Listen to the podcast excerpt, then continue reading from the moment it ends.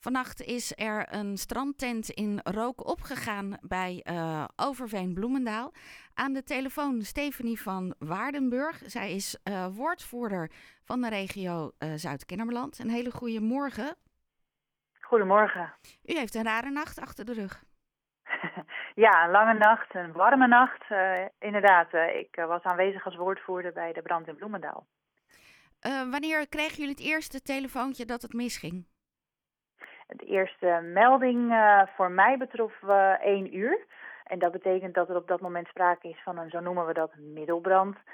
Uh, die zo heel snel is die opgeschaald, omdat dan aanrijdend of de eerste, eerste brandweer ter plaatse ziet, nou, dit is een uitslaande brand, hier hebben we meer materiaal voor nodig. En dan krijgt het een andere benaming. En dat ging vrij snel van grote brand naar zeer grote brand. Heeft dat ook te maken met het materiaal waar zo'n strandtent van gebouwd is en hoe dicht strandtenten op elkaar staan? Uh, ja, onder andere, maar ook uh, de wind kan ermee te maken hebben. de temperatuur, we zitten in een droge fase al in de regio wat de natuur betreft. Dus ook daar is men extra alert op. En dat heeft alle, al die factoren bij elkaar zorgen ervoor dat we heel snel eigenlijk veel water ter plaatse willen hebben. Nou, is daar een zee? heeft dat dan ook nog een voordeel bij het blussen van een brand? Of moet dat toch gewoon water zijn?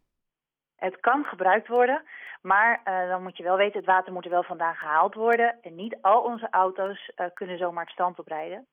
Sommige wel, maar niet allemaal. Die zijn dan best wel zwaar. Dus als het anders mogelijk is, dan wordt dat gedaan. Uh, dat water is, is, dat heet een watertransport. Dat is opgezet met hele grote, dikke slangen die echt kilometers lang neergelegd kunnen worden. In eerste instantie komt een brandweerauto ter plaatse. Die heeft zelf water in, in de auto zitten. En die wordt daarna gelijk zo snel mogelijk gevoed door een grote watertankwagen. Daar zit echt duizenden liters in. En die watertankwagen die kan afwisselen. En ondertussen wordt dan zo'n slangennetwerk wordt, uh, uitgerold naar een uh, dichtstbijzijnde natuurwater, oppervlaktewater. En hoe is dat vannacht gegaan? Ja, daar is, uh, ja, de watertankwagens zijn gaan pendelen, zo heet dat. Dus eerst eerste stukje zijn ze af en aan water gaan aanvoeren. En daarna zijn die grote slangen dus inderdaad neergelegd. Over de zeeweg, vandaar dat deze vanmorgen nog ook dicht was. En als het goed is, is de ene kant op uh, inmiddels weer open uh, vrijgegeven. En de andere kant op volgt zo spoedig mogelijk als die grote slangen weer zijn opgerold en weggehaald. Ben je ook zelf ter plaatse geweest? Ja, ja. Kan je ons een beetje aangeven hoe, hoe, wat zag, hoe zag het eruit toen je aankwam? Nou, het was inderdaad een grote uitslaande brand. De vlammen die kwamen echt enkele meters boven de strandtent uit. Op dat moment dat ik aankwam was het middengedeelte dat, uh, dat in de brand stond, maar al heel snel breidt zich dat uit. Zeker inderdaad met de wind en het materiaal wat dan in de brand staat. Erg sneu om te zien dat zo'n zo'n mooie uh, tent dan in vlammen opgaat. En de naastgelegen trampolinevereniging die had al flink wat wat roet en, en vonkjes die die kant op gingen. Dus daar is door de brandweer op ingezet. En dat, uh, dat betrof heel veel mensen, heel veel materiaal. Uh, ja, wel strak georganiseerd. En dat is dan wel heel mooi om te zien hoe snel dat dan en hoe goed dat dan gaat. Hoeveel brandweerlieden zijn er uiteindelijk aan de, bij de brand betrokken geweest? Heb je daar enig idee van? Oei, ik ben niet zo heel goed in schatten, maar ik weet wel dat er in ieder geval iets van vier of vijf uh, normale brandweerwagens waren. Ik denk dat ik ook zo'n vier watertankwagens geteld heb. Dan komt er zo'n wagen die dan die grote slangen meeneemt. Uh, er komt een wagen die zorgt voor schone pakken, omdat zodra er rook in de pakken van de brandweermensen gaat zitten, dat kan ook weer schadelijk zijn voor de gezondheid van onze eigen hulpverleners. Dus alles bij elkaar, ja, zitten we zeker wel over de, over de nou, over, over, laat, ik het, laat ik veilig gaan zitten, over de 70 man heen. Ja, nou dat moet een indrukwekkend geheel zijn. Hebben jullie de eigenaren kunnen opvangen van een strandtent? Deze was uh, zichtbaar aangeslagen. Ik heb hem persoonlijk niet gesproken, dat is, uh, dat is ook niet mijn taak, maar die is zeker opgevangen. Uh, Stichting Salvage komt altijd ter plaatse om te kijken wat er gedaan kan worden en om hulp bij, ja, nou ja, nu was er niets meer wat zeg maar gestut of of uh, uh, ja, hoe noem je dat? Uh, dat er ramen bijvoorbeeld dicht moeten worden gezet, want het is gewoon volledig uitgebrand. Maar die is wel met de eigenaar in contact en ook de naastgelegen trampolinevereniging. Daar hebben zij meegesproken. En eh, voor ehm, ramptoeristen, ehm, verwachten jullie nog dat er nageblust wordt of is het nu voor jullie klaar? Er, wordt op dit moment nageblust en dat, dat kan inderdaad nog heel even in beslag nemen, omdat de rest die, die smeulen na.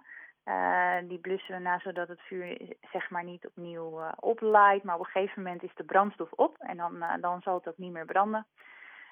ik denk dat dat hooguit tot het einde van de ochtend zal zijn. Daarna wordt het wel in de gaten gehouden met warmtebeelden. En zal er na controle plaatsvinden. Maar nablussen is zeker weten al enige tijd aan de gang en zal ook wel nog even duren. En um, is het nog. Um, um, dan, dan wordt het afgezet, neem ik aan, en dan wordt er onderzoek gedaan naar hoe de brand is ontstaan. Ja, ja, nou ja, er is niet veel over om onderzoek in te doen, maar dat, dat gebeurt inderdaad door een speciaal team samen met de politie. Ik heb dus geen idee en, en daar kan ik ook niets over zeggen, maar er wordt inderdaad nog onderzoek verricht. Doen jullie ook nog een oproep aan toevallige voorbijgangers die misschien wellicht iets gezien hebben?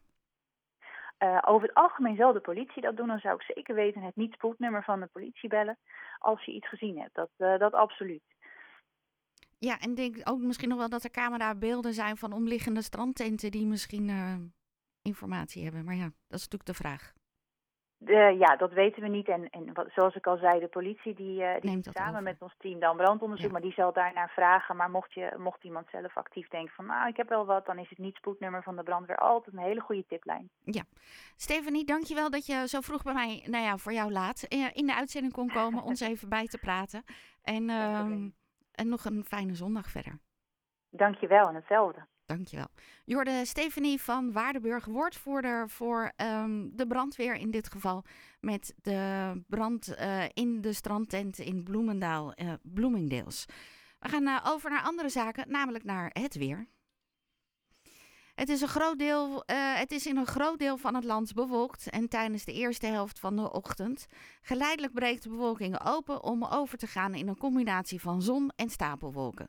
In de middag schijnt de temperatuur naar 16 graden pal aan zee tot een zomerse 25 graden in de oostelijke helft van het land en de wind is noordoostelijk. S'avonds en komende nacht stijgt in het oosten en noorden de kans op buien gepaard met onweer. Tijdens de felle buien kan veel regen in een korte tijd vallen.